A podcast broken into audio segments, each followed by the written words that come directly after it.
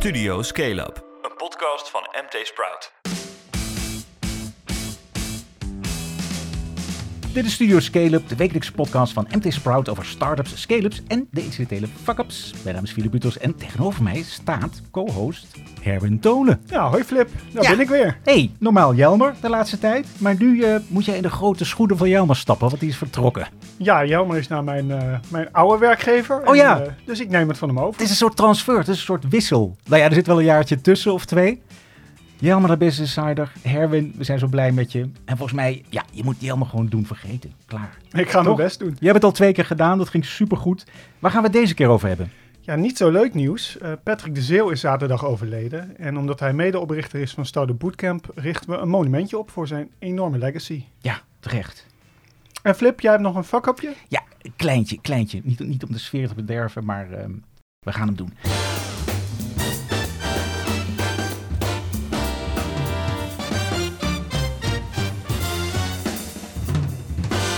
Maar eerst even heel kort het aardsere nieuws rond startups en scale-ups. Een pijnlijke nederlaag voor de Nederlandse bank. Die verliest een zaak tegen Bunk over de inzet van kunstmatige intelligentie, AI, voor het screenen van klanten op witwasrisico's. Dat is volgens DNB tegen de regels, maar het college van beroep voor het bedrijfsleven acht dat niet bewezen. En ook zou de neobank niet tekortschieten in het monitoren van klanten. Hm. Nou ja, Bunk-oprichter Ali Niknam die krijgt natuurlijk victorie, die spreekt van een historische dag. En hij stelt, niet onbelangrijk, dat de rechter de weg heeft vrijgemaakt voor vooruitgang. Nou ja, Bunk heeft wel een paar andere witwasregels overtreden, zoals de verplichting om onderzoek te doen naar de bron van de financiële middelen van een klant. Maar toch, het is een beetje een overwinning voor tech. Dan Siewert van Lienen, hij, hij blijft maar in het nieuws. Yes. Hij en zijn zakenvriend Bert Damme spannen een kort geding aan tegen HDI Global. Dat is een rechtsbijstandsverzekeraar en die weigert bepaalde bijstand te verlenen aan het duo. Eh Siewert eist geen geldbedrag, maar slechts rechtsbijstand conform de polis, zegt hij tegen NRC. Oké, nou, zo blijf je in het nieuws. De investeringen in Nederlandse start-ups die zakken verder in. Dat blijkt uit een kwartaalrapport van EBITWise. Die start-up adviseur die stelt dat 556 miljoen euro is opgehaald in Q3 in net geen 150 deals. En dat is minder dan de helft van Q2, tweede kwartaal. En zelfs twee derde minder dan in hetzelfde kwartaal van vorig jaar. Ja, de grote klappers die blijven uit en bij de helft van de investeringsrondes ging het om seedgeld. Maar we hebben deze week nog wel geldrondjes, toch Erwin? Zeker, all is not lost. Ah. Eh, deze sprongen eruit. Laadpalenbedrijf Fastnet heeft weer 75 miljoen vers kapitaal opgehaald om nog meer laadpalen te planten. Het geld komt van de Britse investeringsmaatschappij Schroders Capital en de deal waardeert Fastnet op 750 miljoen. Hatsa. Dan de Delftse robot-startup IM Systems. Die krijgt 9 miljoen van de European Innovation Council, EIC. En dat geld krijgt het om de Archimedes Drive te commercialiseren. Dat is heel, ja, niet techneutisch gezegd, een soort versnellingsbakje... waarmee robots hun kracht nauwkeuriger en zuiniger en compacter en goedkoper kunnen omzetten in beweging. Hoera. En tot slot iets kleiner bier, maar wel leuk. Labfresh heeft binnen een week 4 ton opgehaald via crowdfunding. Het geld gebruikt de maker van vlek- en geurwerende overhemden om nieuwe winkels in Kopenhagen en Rotterdam te openen. Zo, en nu dan snel door naar het niet zo leuke main topic. Ik ben ooit in eh, 2009 naar Amerika gegaan. Eh, daar heb ik bij Techstars en Y Combinator meegekeken wat ze daar deden. Dat zijn collega's? Dat zijn, dat zijn, ja, ja, dat zijn de, de twee grote spelers in de US. Ja. En eh, dat vond ik dermate inspirerend dat ik terug ben gegaan. En tegen Ruud riep, we moesten nog een keer iets samen doen. Nou, dit, dit ga ik doen, misschien moeten we dat samen doen. En zo is dat gekomen. Tja, je hoorde Patrick de Zeeuw, oprichter van onder meer Startup Bootcamp. Die is zaterdag veel te jong overleden, op 54-jarige leeftijd. Maar hij laat behalve veel treurende familie, vrienden en start-up founders ook een fenomenale erfenis na. We staan graag even stil bij deze baas van duizend startups. Flip, is, is best shocking toch? Ja, jeetje. Ehm, nu blijkt dat al anderhalf jaar geleden hij op, op afstand betrokken was eh, bij zijn bedrijf. Een jaar geleden is hij helemaal eh, gestopt. Dat zie je pas achteraf, hè? Jeetje. En je ziet nu vooral heel veel reacties op LinkedIn. Eh, Ruud Hendricks en andere partners van zijn bedrijven, die maakt het maandag bekend. May he rest in power, zeiden ze daarbij. Ja, ehm, ja je, het, het doet je toch wat. Eh, ik ken hem niet super goed. Ik heb hem natuurlijk vaak op podium zien staan bij Startup Bootcamp. Nou ja, en hij laat dan eh, een vrouw en, eh, en twee kinderen na. Ja, life sucks, zou ik zeggen. Zeker, Ja. en hij was dus al, al langere tijd ziek. Ehm, wa- waar kennen we hem van? Nou, hij is echt Mr. Startup Bootcamp. Hè, dat was een van de eerste commerciële accelerators die vanuit Europa eigenlijk over de, over de hele wereld is uitgewaard inmiddels. van Amsterdam naar Eindhoven, via Chengdu naar Singapore, Melbourne, Dubai, Mexico. Ze, ze zitten overal. Je kent het fenomeen wel, Accelerator. Hè? Dan word je geselecteerd als start-up. Dan ga je de snelkookpan, een programma van drie maanden in dit geval. Met begeleiding van experts en mentoren. Een beetje geld gaat erbij. En dan, eh, dan scherp je je businessplan aan of je maakt een pivot. En het doel is dan natuurlijk verder opschalen, vers geld aantrekken en, en succesvol worden. Maar ja, dat is toch Patrick de Zeeuws Startup Bootcamp. Heeft op die manier iets van tegen de duizend startups begeleid. En ehm, nou, dat mag je wel zeggen. Zonder Patrick was het misschien nooit zo van de grond gekomen. Maar je ziet nu dus ook hoeveel ondernemers en ook corporate mensen heeft geïnspireerd met, met, eh, ja, met zijn werk. Eh, dat zie je in al die reacties op LinkedIn en elders. Ja. En heel gek dat zijn LinkedIn-profiel is al verwijderd. Heel snel. Dat is gisteravond eh, ergens gebeurd. Dus je kunt niet meer checken van wat heeft hij dan gedaan en, eh, en wat heeft hij gepost. Nee. Ja, je, je zei het al, Mr. Startup Bootcamp. Echt ja, letterlijk een boegbeeld. Als je kijkt eh, ook naar zijn verschijning met Ja. dat lange haar en die, en die ja, baard. Ja, ja, ja, ja. Wat was het eigenlijk voor man? Ehm, nou, ik heb hem dus maar een paar keer gesproken. Ja, op het podium knalde hij echt. Ehm, het was iemand die... ehm, hij is geboren in, eh, en getogen in, in Eindhoven. Hij heeft ook een beetje een Brabants accent, hè? heel grappig. En hij heeft ehm, tijdens zijn studie ook op redelijk niveau gesnowboard. Hij had zelfs sponsorcontracten van Oxbow en Oakley. Deed ook marketingwerk daarvoor.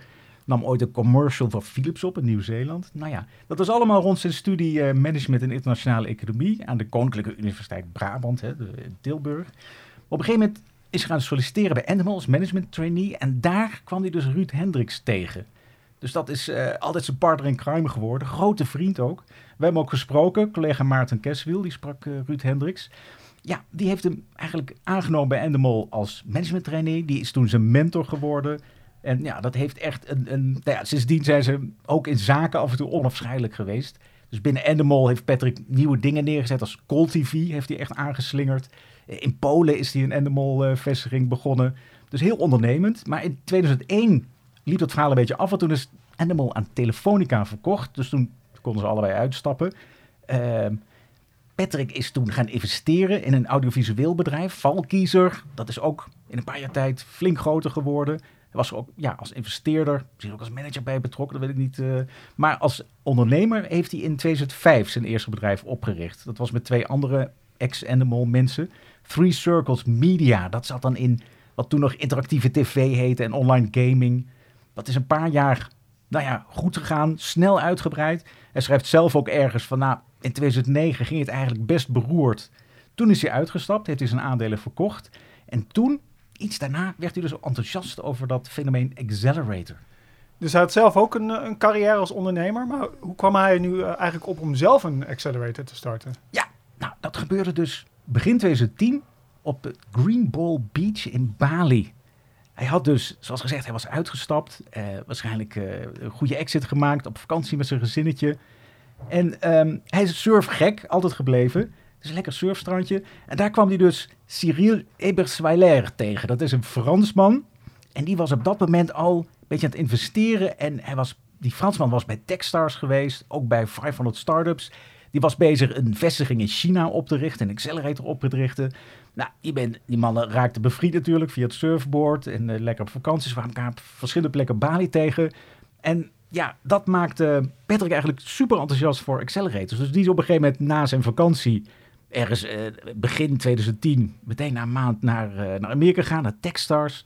Daar gepraat. Hij dacht van ja, ik wil Techstars naar Europa halen. Maar met wie ga ik dat doen? Nou, toen heeft hij dus weer Ruud Hendricks aan zijn jas getrokken van goh, als ik dit wil doen, wil ik het graag met jou doen.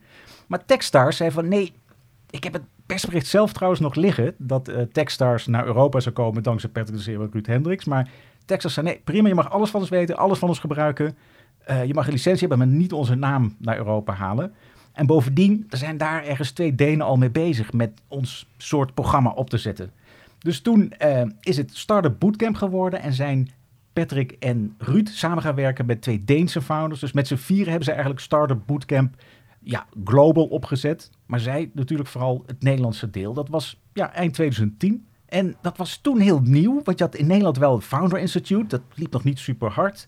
Eh, je had Yes Delft en wat andere universiteits- en overheidsinitiatieven, maar een commerciële accelerator, die dus geld wil verdienen aan het programma, had je nog niet. En dat gaat natuurlijk zo, eh, daar zijn ze ook heel transparant in. Ze nemen een aandeel van 8% in elke start-up. Dat geef je weg als start-up founder. Je krijgt daar het pizzageld voor, 15.000 euro. Je krijgt wat eh, in natura, sponsoring. En via die mentoren en een netwerk en vaak ook een fonds en, en, en investeerders kijken natuurlijk ook altijd goed mee naar die demo days. Kom je dan binnen drie maanden een heel hoop verder met je, met je start-up. Maar het is dus een commercieel bedrijf.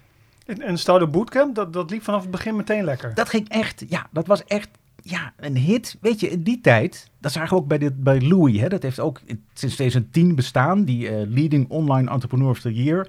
Nou, daar is onlangs een stekker uitgetrokken. Want in 2010 was het allemaal nog nodig. Was er niet zo'n bloeiend ecosysteem als je nu hebt van founders en van ex-founders en van investeerders. En dat geldt ook voor die accelerators. Um, nu heb je misschien heel makkelijk toegang tot mentoren en geld. Toen was het echt super gaaf dat je als start-up de kans kreeg. En er meldden zich ook enorm veel start-ups aan natuurlijk. Werd streng geselecteerd. Maar je kreeg de kans om je te presenteren, om in contact te komen met mentoren. Nou, dat ging gewoon echt geweldig. Het was eerst geloof ik bij Vodafone in het gebouw. Toen zijn ze naar B Amsterdam gegaan. Dit, dat start-up paradijsje, die oude IBM-fabriek. En dat was gewoon een feest, die demo deze. Jij hebt er ook wel eens eentje meegemaakt, toch? Uh, zeker, ja. Ik kan me nog herinneren uit die tijd dat, uh, dat je echt uitkeek naar ja, welke tien start-ups zijn nu weer geselecteerd. Ja, precies. Liefst ook, het is natuurlijk vanaf het begin heel internationaal, maar liefst dan de Nederlandse namen. Dat ja. vonden wij dan extra interessant. Uh, SandCloud is een mooie, Undergrid. Heel recent trouwens, We Are Eves, zat ook in het programma. Ja, maar, maar later moet, ja, is het toch wel iets, iets verwaterd. Ook, ook omdat Startup Bootcamp natuurlijk zelf ging verbreden. Uh, ja. Dus kwamen met allerlei verticals, uh, zoals fintech, uh, smart city, IoT en health. Ja, en dat en, was dan in Nederland en ze ging ook snel nou, naar, naar Eindhoven. Dat is ook een heel eind weg, maar in ieder geval die high-tech Excel was een mooie. Maar ze ging ook naar, naar andere landen, zoals genoemd, hè? van Dubai tot uh, Chengdu.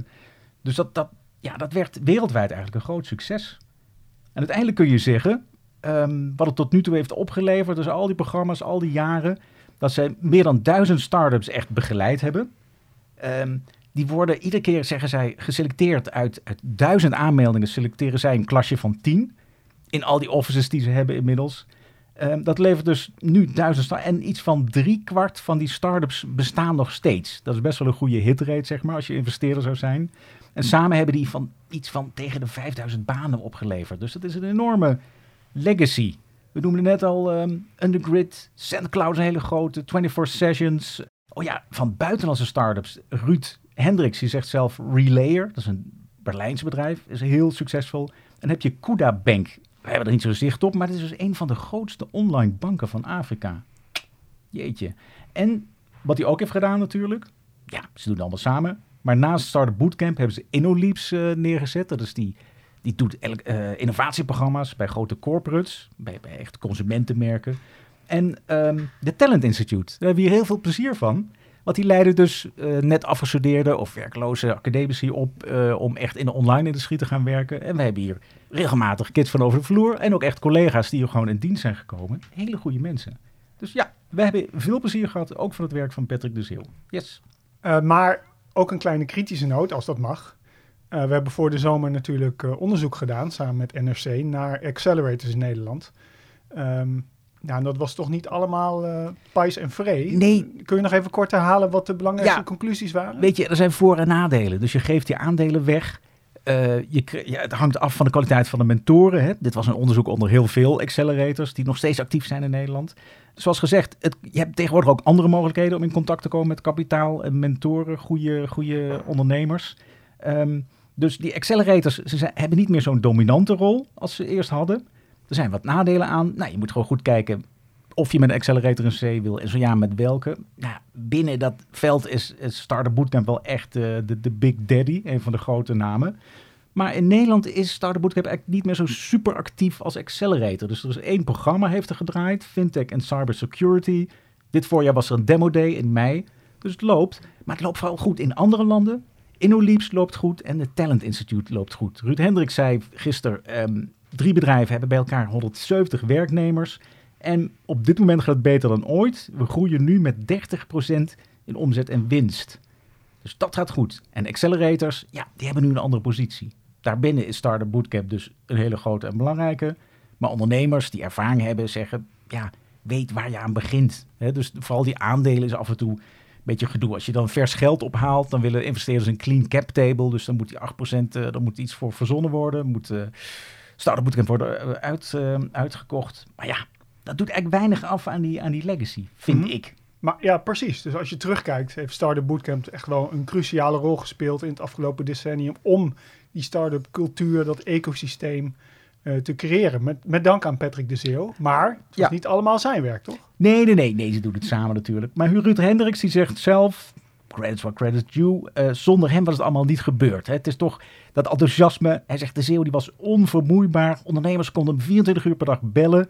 Wel met de voorwaarde dat ze het ook in de goede tijden deden, zegt hij. Want start-ups hebben nogal de neiging om vooral te bellen als het slecht gaat. Ehm, maar dat was echt, ja, een beetje de, het doel van zijn leven. Ook als je met hem sprak of als je hem nu ziet, als je video's... Het gaat altijd over die start-up founders. En natuurlijk ook uh, wat hij goed deed, aandacht voor de mens. Ook van de combinatie van personen binnen een team. Hij was heel erg voor pre-mediation. Dat deed hij zelf met Ruud Hendricks, maar ook bij, uh, bij start-up teams. Hè, waarbij je dus maandelijks een gesprek hebt met een mediator erbij... over uh, wat ging er goed, wat ging er fout. Uh, je, je, je deelt elkaars gebruiksaanwijzing. Dus ook die psychologische aandacht voor de, voor de persoon van de ondernemer... Wat, waar die allemaal ook doorheen moet om succesvol te worden... en de tempo erin te houden... dat maakt hem toch wel echt, ja, bijzonder. En, en tot een, daardoor heeft hij ook een bijzondere bijdrage geleverd aan dat Accelerator-programma. En dus indirect, wij zeggen hij was baas van 250 start-ups. Je zou nu kunnen zeggen hij is baas van meer dan duizend start-ups. Vond hij zelf helemaal niks. Echt onzin, want hij is niet de baas. Nou ja, hij is wel commissaris bij een hoop bedrijven geweest. Maar um, ja, dat, dat, ja, dat heeft hij toch achter zijn naam uh, staan. Ik vind het wel, ja. En hebben we nog founders gesproken over Patrick de Zeeuw? Ja, geen onbelangrijke rol van de velden van Undergrid. Die kijkt natuurlijk naar, vanaf die andere kant naar als, als, als founder. Hij zei, ja, de Zeeuw kon wel veel eisend zijn voor start-ups. Maar, zegt hij, zeker in zijn opbouwende fase is dat niet meer dan logisch. En hij herinnert zich ook vooral de wandelingen met de Zeeuw. Dat waren gesprekken die gingen binnen vijf minuten echt de diepte in. En Van der Velde van Undergrid zegt ook, ja, het is bijzonder hoe snel je dan met elkaar tot een diepe overeenstemming kunt komen. En dat ging dus ook weer meestal niet over het bedrijf, maar hoe ben je als mens, als ondernemer? En wat zijn je valkuilen? Dus dat is heel cool. En Undergrid heeft ook aan Startup Bootcamp uh, veel plezier gehad. Veel nut, zegt Van der Velde. Het bracht dingen echt in een stroomversnelling. Publiciteit, je leerde pitchen, onderhandelen met investeerders. Hele steile leercurve ga je in. Dus ja, dat, daarover is Van der Velde tevreden. En die geeft de Zeeuw ook nog postuum een pluim voor het feit dat het echt on-Nederlands is wat hij gedaan heeft. Zit Erik van der Velde. En Van der Velde zegt dan, als ik een leider moet noemen in Nederland, dan staat hij in de top drie, zo niet op één. Dus dat zijn, nou, mooie woorden. Zeker mooie woorden. Ja, ik, ik heb niet echt een, uh, een mooi bruggetje nu, maar uh, Nee. is er nog een fuck-up van de week? ja, sorry. Nee, rest in peace. Rest in power, zeggen ze dan, Patrick. Jeetje. Oké. Nou, misschien heel ongepast. Um, Maurice, doe toch maar even de, de fuck-up jingle.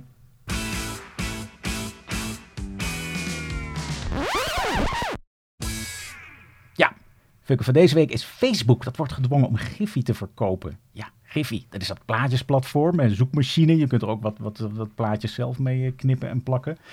Uh, gifplaatjes, bewegende plaatjes, nou, dat weet iedereen. Wij zijn dol op Giphy. Maar de Britse concurrentiewaakhond CMA minder. Dus het was een beroepszaak. Meta is natuurlijk door de eerste, het eerste verbod uh, heel vaak in beroep gegaan. Maar dit is echt, echt de laatste, laatste beroepsmogelijkheid. Definitief zeggen die Britten, de overname die moet ongedaan worden gemaakt, want die beperkt de concurrentie te veel. Dat is heel gek, hè? Want het is een Britse autoriteit, maar Facebook, Meta inmiddels, houdt zich toch aan die uitspraak. Want ja, ze willen toch ook in, in Engeland zaken blijven doen. En ze willen ook die megaboete, ja, willen ze niet uh, tegenaan lopen. Dus nou, eh, Giphy staat te koop. Meta legt zich neer bij de beslissing. En uh, het zal samenwerken, zegt het, met de CMA om een koper te vinden voor Giphy. Dus iemand, meld je bij Meta of Facebook. Dit was het uh, kleine fuck-upje van de week. Ja, waren ze maar zo streng geweest bij Instagram en, WhatsApp in het verleden? Ja, precies. Wat is nou Giphy? Ik kan nog zonder Giphy hoor, wat dat betreft. Nou ja. Dit was Studio Scale-up, aflevering 63. We hopen dat die je bevalt. Vergeet je dus niet te abonneren op Spotify of je favoriete podcast-app. Voor feedback of schaamteloze zelfpromotie, philip.mtsprout.nl. Herwin, bedankt dat je er was. Goed gedaan, toch? Heb je nog famous last words ons? Jazeker, eh, check vooral ook op, uh, op mtsprout.nl het, uh, het in memoriam dat Maarten Kestwiel schreef over Ja. Patrick de Zeeuw. Ja, precies. Met al die citaten. Ja, en uiteindelijk, ja, kunnen we weinig anders zeggen dan sterkte voor alle vrienden, familie, partners en mensen die met Patrick hebben samengewerkt en van hem hebben genoten.